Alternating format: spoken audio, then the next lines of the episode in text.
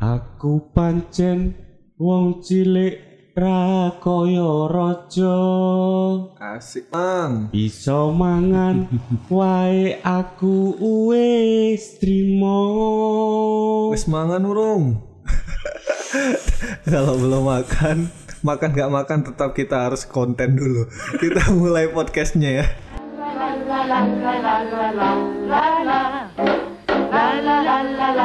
Selamat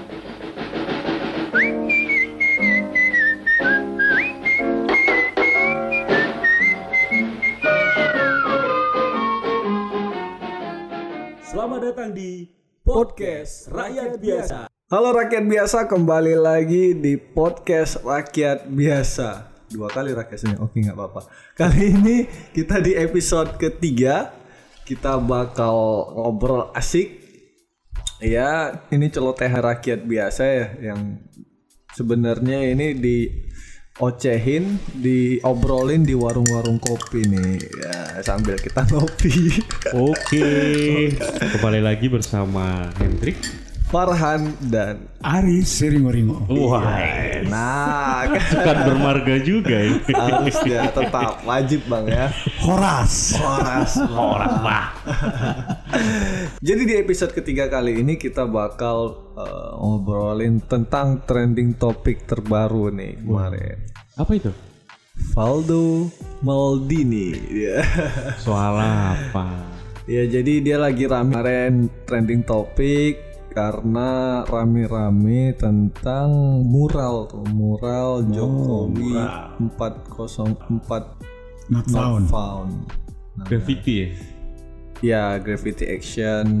Mural itu lukisan di mural, dinding. Iya, lukis. Bagus lukisannya, bagus banget. Tapi di situ kan yang menjadi kontroversial itu karena di bagian mata itu ditutup dengan box eh, apa hitam gitu tulisannya 404 not found. Jadi itu istilah sebenarnya dalam internet eh, ketika ada error. Nah, error 404 itu ketika eh, halaman yang kita cari itu tidak ditemukan. Wih, yang anak IT tahu banget. Iya dong. Padahal googling juga tadi. Jadi Valdo ini dia eh, viral karena eh, statementnya di Twitter dia itu nge-tweet gitu kira-kira bilang bahwasanya ini ya aku baca ya eh, tweetnya tanggal 13 Agustus at Valdo Maldini. Jadi mural itu nggak salah kalau ada izinnya. Kalau tidak berarti melawan hukum, berarti sewenang-wenang. Makanya kami keras. Ada hak orang lain yang dicederai. Bayangkan, dulu aku teringat ini muhasabah. Bayangkan adik-adik gitu. Bayangkan itu kalau tembok kita yang tanpa izin kita. Orang yang mendukung kesewenang-wenangan harus diingatkan. Sekali lagi, saya minta maaf agak keras. Yang jadi masalah bukan konten atau kritiknya. Kritik selalu terus dijawab dengan kinerja yang baik. Tapi ini akan yang sewenang-wenang. Setiap warga negara harus dilindungi dari tindakan yang sewenang-wenang. Wadaw. Kami sangat berharap hari ini kita sama-sama menjaga. Kritik dan hinaan seperti apa pun tidak akan mengurangi motivasi untuk menjawab persoalan pandemi yang menghantam seluruh negara di dunia ini. Kami terus berfokus itu. Siapa sih sebenarnya Valdo Maldini? Jadi eh, dia ini sebenarnya eh, legend ya, legendaris. Aku suka banget sebelum dia di PSI. Dia tuh sekarang politikus PSI sekaligus eh, staf sus Mensesnek, eh, Bapak Pratikno. Padahal dia dulu tuh bagus banget, legendaris. Aku suka banget kalau dia lagi gocek bola gitu kan. Oh itu Paulo Maldini. Oh itu Paul Maldini ya. Sebelumnya di AC Milan dia. Paulo Maldini gak pernah pindah. Oh nggak pernah pindah. Dia orangnya setia. Sampai Oh, nomornya gitu. diabadikan. Nomor tiga Oh. di Milan itu gak ada yang pakai. Setia banget sekarang. ya. Berarti yang nggak setia tuh Val Maldini loncat-loncat ya. Woi. Agak lain kawan ini bah. oh itu podcast sebelah. Sorry Bang Jegel. Lontar lagi. Kalau kalau Paulo Maldini ini kan bapaknya di Milan. Sekarang anaknya di Milan. Si Daniel Maldini ini di Milan juga. Oh, dia di Milan juga. Jadi tiga generasi di AC Milan. Di AC Milan, tiga generasi di AC Milan. Udah berapa skor ini lagi main kayaknya tadi? Dua kosong nggak sih? Oh, 2-0. Sama Pana Panit Panathinaikos atau apa Oh, ini bacanya? Lawan PAN ya.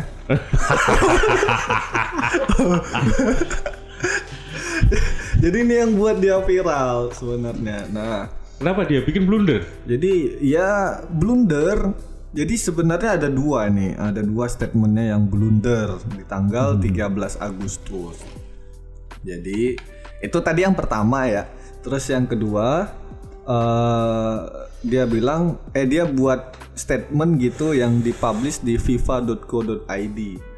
Jadi dia mengomentari eh, mural juga, tapi tulisan kalau yang sebelum yang aku bacain tadi kan muralnya itu gambar, tuh, Em, gambar di tembok gitu. Terus yang kedua ini tulisan muralnya, jadi kayak eh, graffiti action juga gitu kan. Jadi dia bilang di judul di fifa.co.id ini Valdo Maldini titik dua lapar kita beli makan bukan chat gitu. Jadi ini blunder yang pertama itu netizen eh, mengomentari bahwasanya kalau itu dilarang dan gak ada izinnya, kenapa aparat menghapus hanya fotonya saja, hanya gambar orangnya saja? Nah, yang di disinyal, disinyalir itu gambarnya mirip, mirip dengan eh, Presiden Jokowi. Mungkin moral yang lainnya itu berizin. Sebelumnya sudah masukin surat dulu Masalahnya ke yang aparat setempat. masalahnya di dalam satu tembok, dalam satu mural yang sama ada gambar gitu, foto gambar orang dan eh, hiasannya gitu. Yang dihapus cuma gambar orangnya aja, hiasannya enggak. Pertanyaannya, kenapa hanya gambar itu saja yang dihapus? Iya, sebelah-sebelahnya nggak dihapus, cuma gambar orangnya aja yang dihapus gitu. Kan agak aneh. Kalau memang nggak berizin, berarti nggak berizin semua kan? Itu kan alasannya Bro Valdo karena tidak ada izin tuh. Ya mungkinnya gambarnya itu Dinar Candy. Iya, aku nggak Unsurnya pornografi mungkin gambarnya itu. Dinar Candy. Iya ya, jadi porno aksi gitu. Oh ya pornografi lah gambar kok. Oh iya, pornografi. aku ngebayangin aja eh, kalau yang digambar itu semisal Bang Ari nih gitu dengan Dihapus ya? dengan kepala pelontosnya digambar gitu. Kira-kira Bro Valdo bakal komentar juga nggak? Eh enggak juga. Enggak mungkin siapa Ri, rakyat biasa. Nggak penting ya. Lagian juga enggak porno pornografi. Diduga pornografi. Porno bang kalau siluet.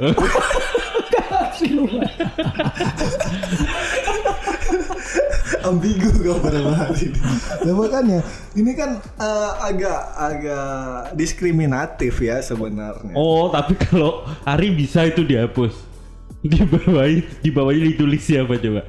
Titisan kakek Sugiono.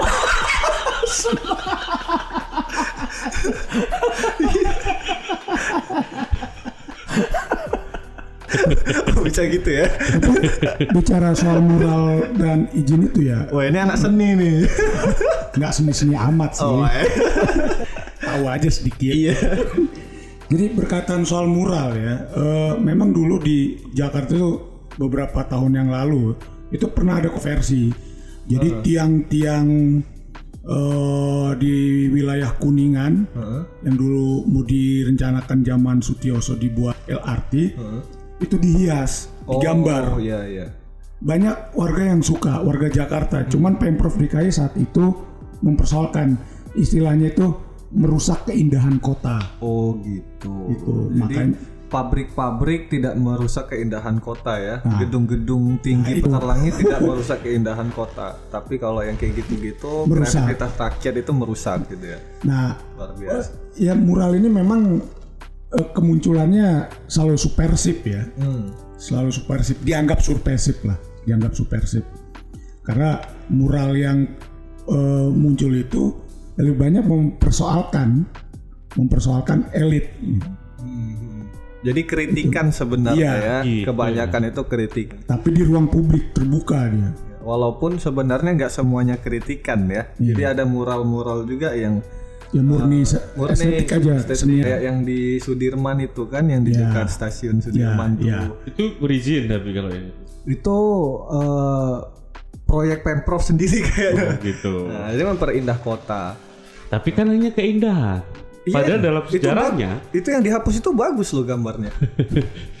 di dalam sejarahnya mural itu kan eh, apa ya? se- eh, wujud ekspresi dari rakyat. Benar, benar. Ekspresi dari masyarakat atau rakyat biasa yang eh, belum didengar. Hmm. Jadi eh, apa dia menerjemahkan itu dalam gambar-gambar yang ben- sebenarnya bentuk kritikan karena penyalurannya nggak ada. Istilahnya Hmm. penyaluran itu mereka juga nggak didengar oleh media mainstream dan lain-lain itu benar. karena media mainstream gimana? Sekarang ini apalagi kondisi media mainstream hari ini ya ya bagus-bagus lah gitu. Kritik-kritik ini nggak dimuat atau karena rakyat biasa bukan tokoh nggak dianggap. nggak dianggap gitu ya. Jalanan tembok yang masih kosong itu kemudian jadi eh, media, media. untuk menyalurkan kreasi seninya kreasi menggambar dan juga kritik-kritikannya. Dan di sejarah Indonesia sendiri ini nggak cuman hari ini ya. Iya, benar. dulu 98 juga kayak gitu. Kalau mau ditarik lebih lama lagi pada saat kemerdekaan Iya, per- tahun proses 1945 itu ada ada Ayubung. bunga. Ayubung. Itu di mural-mural. Mural. Semuanya kritikan. Kalau mau cari di negara lain juga misalnya. Ini pernah terjadi juga di Venezuela. Benar, benar. Oposisi mau menyampaikan kritikannya tapi kemudian karena 80% sampai 90% media saat itu eh, memoles pemerintah dan kemudian tidak menyalurkan kritikan mereka ya moral solusinya. Ya berarti hari ini ada masalah. Benar. Kalau kemudian moral merajalela moral-moral kritikan ini kelihatannya lagi ada masalah nih. Berarti kan yang harus dipahami atau dilihat itu tidak ada ruang, tidak ada tempat di mana warga bisa menyalurkan atau menyampaikan keresahannya. Iya, itu sih catatan yang paling penting itu malah ini bikin blunder, tapi nggak masalah sih kalau Maldini bikin blunder karena di belakangnya masih ada Alexander Nesta. Tapi, itu kan bilang tadi AC Milan tapi kan. Atau diganti aja, Apa? jangan Valdo Maldini, Apa? Valdo Karius. itu juga sama blundernya. Jadi Valdo Karius ini ya kiper kiper Liverpool, eh, Liverpool. Pada saat ini pertandingan pertandingan krusial juga ini eh, final Liga Champions saat itu entah tahun berapa itu antara Liverpool dan Madrid. Nah Karius ini kipernya Liverpool ini ngempar bola ya kan? Dia nggak ngelihat di depannya aja Benzema di depannya. Dia ada sama Benzema masuk gol itu. Terus kedua ketika Gareth Bale nembak apa eh, nendang itu dia eh, cuman menghadang pakai tangan aja terus merosot ke sini Meleset. kalau bahasa Jawanya mencolot lah gitu. Kepleset bolanya ya. Iya meleset gitu. Jadi blunder. Jadi mungkin nggak eh, kalau Maldun Maldini pertahanannya bagus dia. Blunder tingkat keblunderannya itu masih sedikit. mungkin ya Pak uh, Valdo Karius saja sih. Harusnya diganti Palu Karius ya. Jadi eh ya ini jadinya blunder juga dan apa namanya eh banyak netizen yang berkomentar tentang itu. Tapi banyak juga netizen bilang ya udahlah itu memang job desk-nya untuk blunder gitu. Kalau kayak gitu dia nggak digaji kan gitu. Berarti blunder pun bagian dari tanggung jawab pekerjaan. iya. Mau maksudnya disengaja. Sesuai briefing lah ya. Berarti nggak blunder dia. Iya, aku masih percaya Valdo Maldini itu orang baik kan gitu. Dia itu eh, dulu kan eh, BEM Idol ya. Jadi ketua BEM UI pada zamannya. Nah, sampai ada netizen itu yang bilang dulu aku ngefans banget mengidolakan sama apa Kak Valdo katanya gitu. Tapi sekarang kok aku jadi lupa kenapa dulu menggunakan dia ya gitu.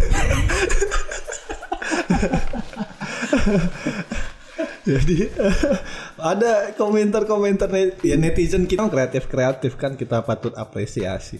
Ya ini sebagai bentuk eh, kritik otokritik juga sebenarnya Atau agar mungkin yang nyebrang-nyebrang itu ini ya ada ada ini apa namanya sejarahnya juga sejarahnya apa? orang yang pernah berlawanan kemudian sekarang Oh gabung. iya. banyak bikin blunder juga Iya banyak banyak banget. jadi mungkin karena mau cari muka cari muka ya bukan di situ Enggak juga, bukan kan. bukan di Twitter cari muka Iya. Instagram lah selfie Atau nggak di Snapchat ya. Biar ada filter-filternya. Jadi kartun Disney kan itu. Oh, iya. Snapchat.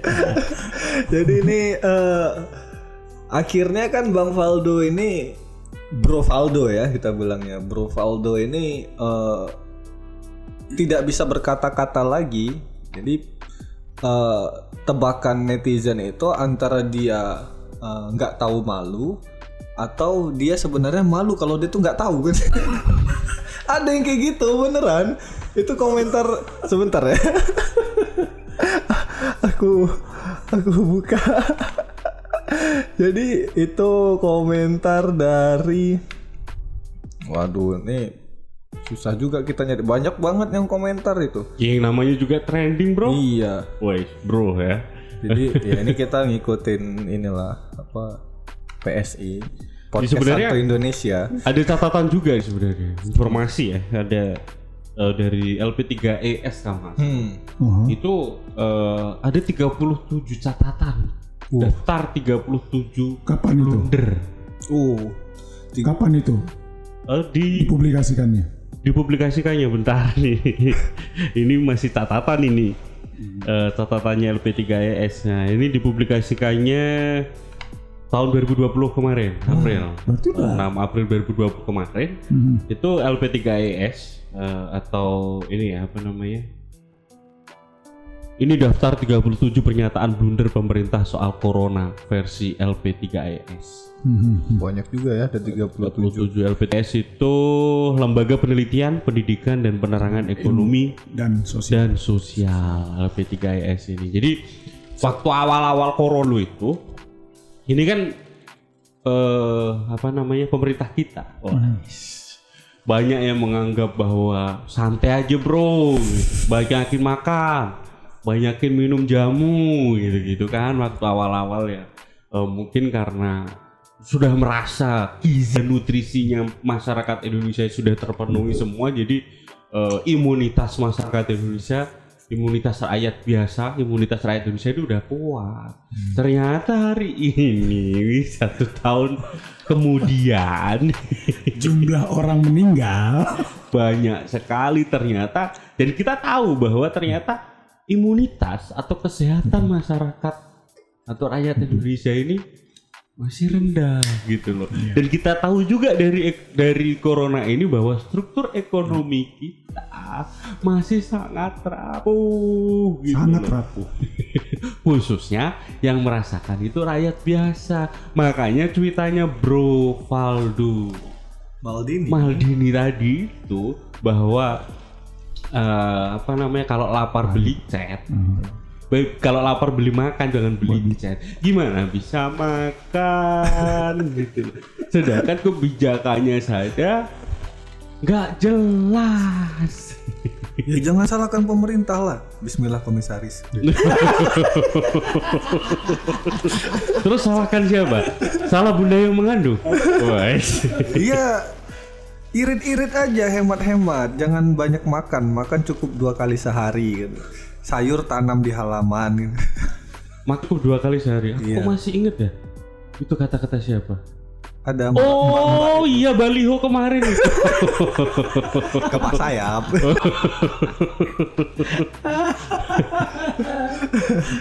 Memang enak ngobrol dengan mereka berdua ini. Kenapa bro? ya apa ya? Kadang juga nggak habis pikir. Sebagai bentuk ekspresi, mural ya nggak perlu berlebihan gitu loh. Apalagi sampai menanggapinya ya dalam sejarahnya kesenian itu selalu dihadapkan dengan Quran. Memang ada isu besar dalam kesenian itu antara ketertiban dengan kebebasan. Selalu itu berhadap-hadapan eh, between law and eh, freedom. Itu apa artinya itu? Ya antara itu hukum dan kebebasan. Di satu sisi hukum pengertiannya mengatur masyarakat, tapi di sisi yang lain kesenian tidak bisa tidak membutuhkan ruang kebebasan untuk berekspresinya itu. Ya sedari dulu. Tapi ya Luar biasa pengetahuannya Bang Ari ini. Seniman bro. Seniman gadungan. jadi eh, ngomong-ngomong tentang chat tadi ya, jadi eh, Valdo ini kan Bro Valdo ini eh, mengkritik rakyat nih yang buat mural, buat chat dan segala macam. Nah, yang menjadi blundernya dari Valdo adalah ketika netizen rame-rame komentar, terus kalau beli chat pesawat itu gimana bro gitu. Karena ada wacana sebelumnya pesawat kepresidenan itu mau diganti warna. Sudah diganti. Sebelumnya kan warna biru. Oh, udah diganti sekarang ya? Jadi warna merah. Iya. Oh, jadi warna merah. Jadi kan sebelumnya biru tuh. Nah, itu juga kontroversial kan? Karena ada beberapa pengamat mengatakan bahwasanya pesawat itu idealnya memang warna putih atau warna biru agar tidak terdeteksi oleh eh, apa musuh-musuh negara lain apalagi ini pesawat kepresidenan jangan sampai nanti presiden lagi terbang gitu kan terus dirudal sama ini pemain GTA itu aku dulu main GTA suka ngerudal helikopter-helikopter itu pesawat gitu ya. polisi-polisi ngejar gitu kan bintang 5 tuh kan pakai jet uh, rudal aja Tapi memang kalau habis bongkar mesin itu harus dicek ya. Nah, kata Bro Valdo, ibarat kan bongkar mesin mobil kan gitu. Itu kan nanti didempul terus kita harus cek lagi. Aku mikir-mikir juga kan kayaknya bongkar mesin itu di kap depan kalau mobil nih ya. Ini logika mobil ya. Didempul itu biasanya kalau kecelakaan nabrak gitu. Bongkar mesin kayaknya nggak sampai didempul lah gitu. kalau cek ulang makanya ini blunder dari Bro Valdo ini. nah, sedangkan mesin pesawat juga itu ada di sayap. Setauku ya, aku nggak tahu juga karena eh, ada satu orang, satu eh, public figure nih yang ikut berkomentar di tweetnya Bro Valdo tentang chat pesawat itu tadi. Dia punya pesawat. Nah, dia punya pesawat itu Bu Susi. Bu Susi komennya pakai stiker aja tepuk jidat. Iya dia punya pesawat bro kan itu. Lucu kali nih anak. Mungkin begitu. dan, mungkin. dan itu nggak dibalas komentarnya sama Valdo kan gitu. Lucu kali. Nah mungkin gitu mikirnya ya. iya. Nah yang itu juga tadi yang eh, tentang moral Presiden Jokowi ada juga tuh eh, satu akun Twitter yang udah di retweet eh, 120-an nggak banyak sih, dikit juga kan. Cuma komentarnya cukup progresif itu netizen, like-nya juga banyak. Itu juga nggak dibalas-balas sama Bro Valdo. Apa itu tweetnya? Tweetannya apa? Dari akun Farhan Dalimunte itu.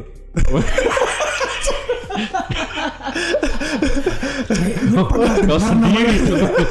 kan kemarin udah perkenalan. 27 retweet. Terus 750 Apa komenmu itu? Jadi dari Ed Farhanda Lemonte ini angkat juga di eh, apa beberapa media ya dari eh, pikiran rakyat Bisnis. eh, Kabar kemudian bisnis. kabar bisnis 24.com ya itu dia bilang akun itu bilang argumenmu memalukan bro Ed Valdo Maldini tanda seru nyata muralnya masih dibiarkan foto Pak Jokowi aja yang dihapus nih. jadi itu juga belum direspon sama Bro Valdo mungkin Bro Valdo lagi sibuk kerja ya Atau mungkin nggak penting siapa Farhan itu. Iya. Siapa? Susi aja kan podcasternya podcast rakyat biasa. Cuma rakyat Bu biasa. Susi aja gak dibales. Dia punya pesawat. Ya kalau mau bales, memang dia punya pesawat. Jadi itu tadi bener tadi yang eh, akun at motor mogok. Nama akunnya juga aneh. Ini pasti fake akun deh. Jadi bilang yang apa? eh, antara nggak tahu malu atau malu kalau dia nggak tahu. kalau menurutku sih gini bro, ya wajar sih. Apa namanya bro FM ini, bro FM ini kayak gitu. Ibarat orang pacaran yang lagi kasmaran. Itu kan dimabuk cinta. Bucin, budak cinta kalau kalau lagi awal-awal itu. Maksudnya lagi habis PDKT terus diterima gitu loh. Iya. Diterima PDKT, ya apa pun yang disampaikan pasangan itu Oh iya. bener dan harus didukung gitu loh. Apa pun itu ya. Ya bucin bro, kasmaran lagi jatuh cinta, gimana?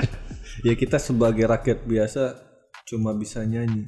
Semua terserah padamu, aku begini adanya. Iya. Ku hormati se- keputusanmu. Aku dukung keputusanmu. Apa? yang akan kau katakan. Ini merusak ruang dengar ini. Jadi eh, akhirnya citra baik sebenarnya Bro Valdo ini cukup punya punya citra yang baik ya sebelumnya. Waktu dia di AC Milan. akhirnya gara-gara kayak gini rusak semua tatananku dan konyol kan jadinya. Ibarat mati konyol dia buat blunder merusak semuanya. Gara-gara dia dapat jabatan. Kan gitu ya dapat jabatan di kementerian sebagai staf sus. Nah kita berharap sebenarnya anak-anak muda sih kita sebagai anak muda juga ya kita sebagai kalau kalian kan generasi X ya expired Saya milenial. milenial ya Forever Young. Oh my, ya. Kalau aku kan generasi Z nih kan. Wah, aku milenial. Oh iya. Nah, Bro Hendrik ini seumuran kan sama Bro Valdo? Tuan dia sedikit lah. Beda bulan ya. Beda bulan. Anak Beda tahun sebulan. 90 kan? Sama-sama generasi 90 Iya. Bedanya dia udah staff sus. Oh iya. Kita rakyat biasa. Bentar lagi mau jadi staf sus. Enggak lah. Bisa. Bisa kalau mau. Oh iya, bikin blunder. Iya. Nggak kirim proposal kayak dosen yang di mana itu di Medan itu.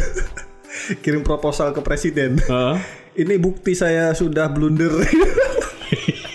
sudah mati-matian pasang badan untuk Pak Jokowi. Oh gitu. Kurikulum vitae-nya isinya itu ya. Iya, CV-nya itu portofolionya isi tweet dia, isi status Facebooknya yang membela-bela pemerintah gitu. Boleh dicoba. Walaupun dia sendiri nggak dipanggil-panggil sampai sekarang. Mungkin kalau nggak staff sus ya komisaris. Oh iya. Mau jadi komisaris? Enggak lah. Ya kalau mau bisa kita angkat. Komisaris podcast rakyat biasa. Kepemilikan saham 60%. Woi, ngeri berarti. Atau komisaris warung kopi tempat kita ini. Iya. buat buat sendiri minum minum sendiri kopinya beli sasetan di sebelah Rakyat biasa gitu. Rokok ngecer. Eh, Rokok apa sih ngecer. bahasa Indonesia? Ngeteng. Ngeteng ya. Ngeteng, Kalau di ketengan, kalau di Jawa Timur kan rokok ngecer ya. Ya, kalau di Jakarta ketengan Ketengan. sampai kemarin ada juga isu-isu untuk beras ketengan sasetan itu kan Tapi ngomong-ngomong soal blunder nih bro, itu ya blunder yang biasanya dibikin jus itu ya. oh itu mixer Itu blender.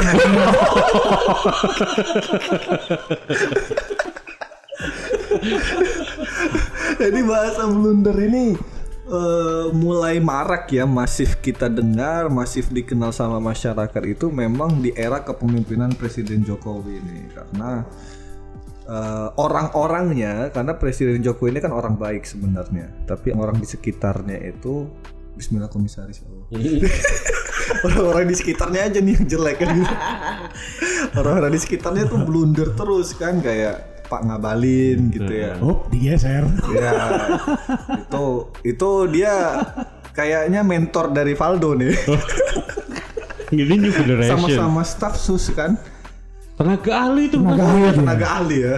Saya tenaga ahli presiden gini gitu kan Nah, statementnya. presiden, Iya. tenaga ahli dari start KSP ya. KSP. Pangkatnya lebih lagi, tenaga ahli utama. Oh iya, lebih tinggi lagi dia. Ya enggak lah masih masih ahli staf khusus. dia di mana-mana tinggi. di di TV bilangnya saya tenaga ahli utama, gitu kan Iya. ya. Selalu Ya pangkatnya. memang gitu. eselonnya seperti itu. Itu kan komisaris juga kemarin. oh ya. Angkasa Pura cuy. oh.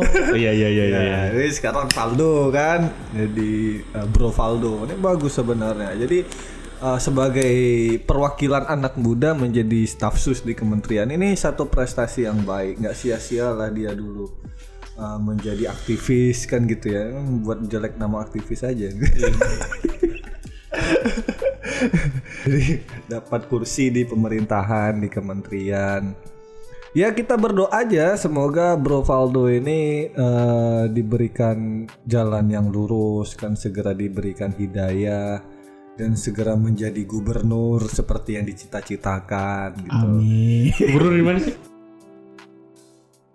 Eh, jangan sebut daerah, nggak mau. Itu daerah yang disebut ibu ibu ini kemarin ibu ketua partai. Oh. Gak mau sebut ah. Iya jangan. eh aku gini-gini walaupun aku anak Sumatera Utara kemudian berproses di Jawa Timur tapi tokoh idol idolaku itu dari sana semua coy. Dari mana? Jadi Buya Hamka, Muhammad Natsir, kemudian Ibrahim Datuk Tan Malaka itu adalah tokoh-tokoh referensi bacaanku selama ini. Jadi buku-buku Buya Hamka yang aku punya yang aku koleksi itu ya udah ada 20-an. Bu- kemudian Muhammad Natsir juga itu pidato mosi integral Natsir itu sangat terkenal kan. Kalau aku sih cuma satu kalau dari sana. Siapa? Hayati. Oh, Hayati. Hayati kekasih. Oh iya iya iya. Tenggelamnya kapal Van der Wijk gitu ya. Pantang pisang berdua dua kali. Pisang. Eh, pantang pemuda dan pisang. Iya. Zainuddin. ya kan sangat inspiratif sebenarnya. Ya semoga Bro Valdo juga bisa mengilhami lah tokoh-tokoh pendahulunya kan gitu yang berada di kampung halamannya karena eh, di sana itu sangat berpegang kuat sama yang namanya adat. Nah, Dan adat ini ya, bersandi syarak, syarak be- bersandi kitullah itu sangat dipegang erat. dan banyak muncul tokoh-tokoh nasionalis Oh, ya tokoh sana. nasional di sana semua. Kebanyakan dari sana. Kebanyakan dari sana Kebanyakan nasionalis. dari sana tokoh nasional Indonesia Muhammad Hatta, kemudian Buya Hamka, kemudian Muhammad Yamin kan kalau nggak salah dari Sumatera Barat juga. Masih mengutip kata ibu kemarin. Nah, Itu banyak loh di sana tokoh nasionalis, tapi kenapa Eh, eh, eh enggak, jangan enggak usah. Enggak besar di sana. Kenapa? Ah, ah, ya enggak gitu. balihonya kurang besar. Terima kasih sudah mendengar podcast rakyat biasa di episode ketiga. Bro Valdo jangan baper kita ya ngobrol-ngobrol santai di warung kopi aja. Kebetulan aja kita rekam kan. Bercandaan ya Bercandaan. rakyat biasa. Ya kapan-kapan kita ngopi bareng lah Bro Valdo ya.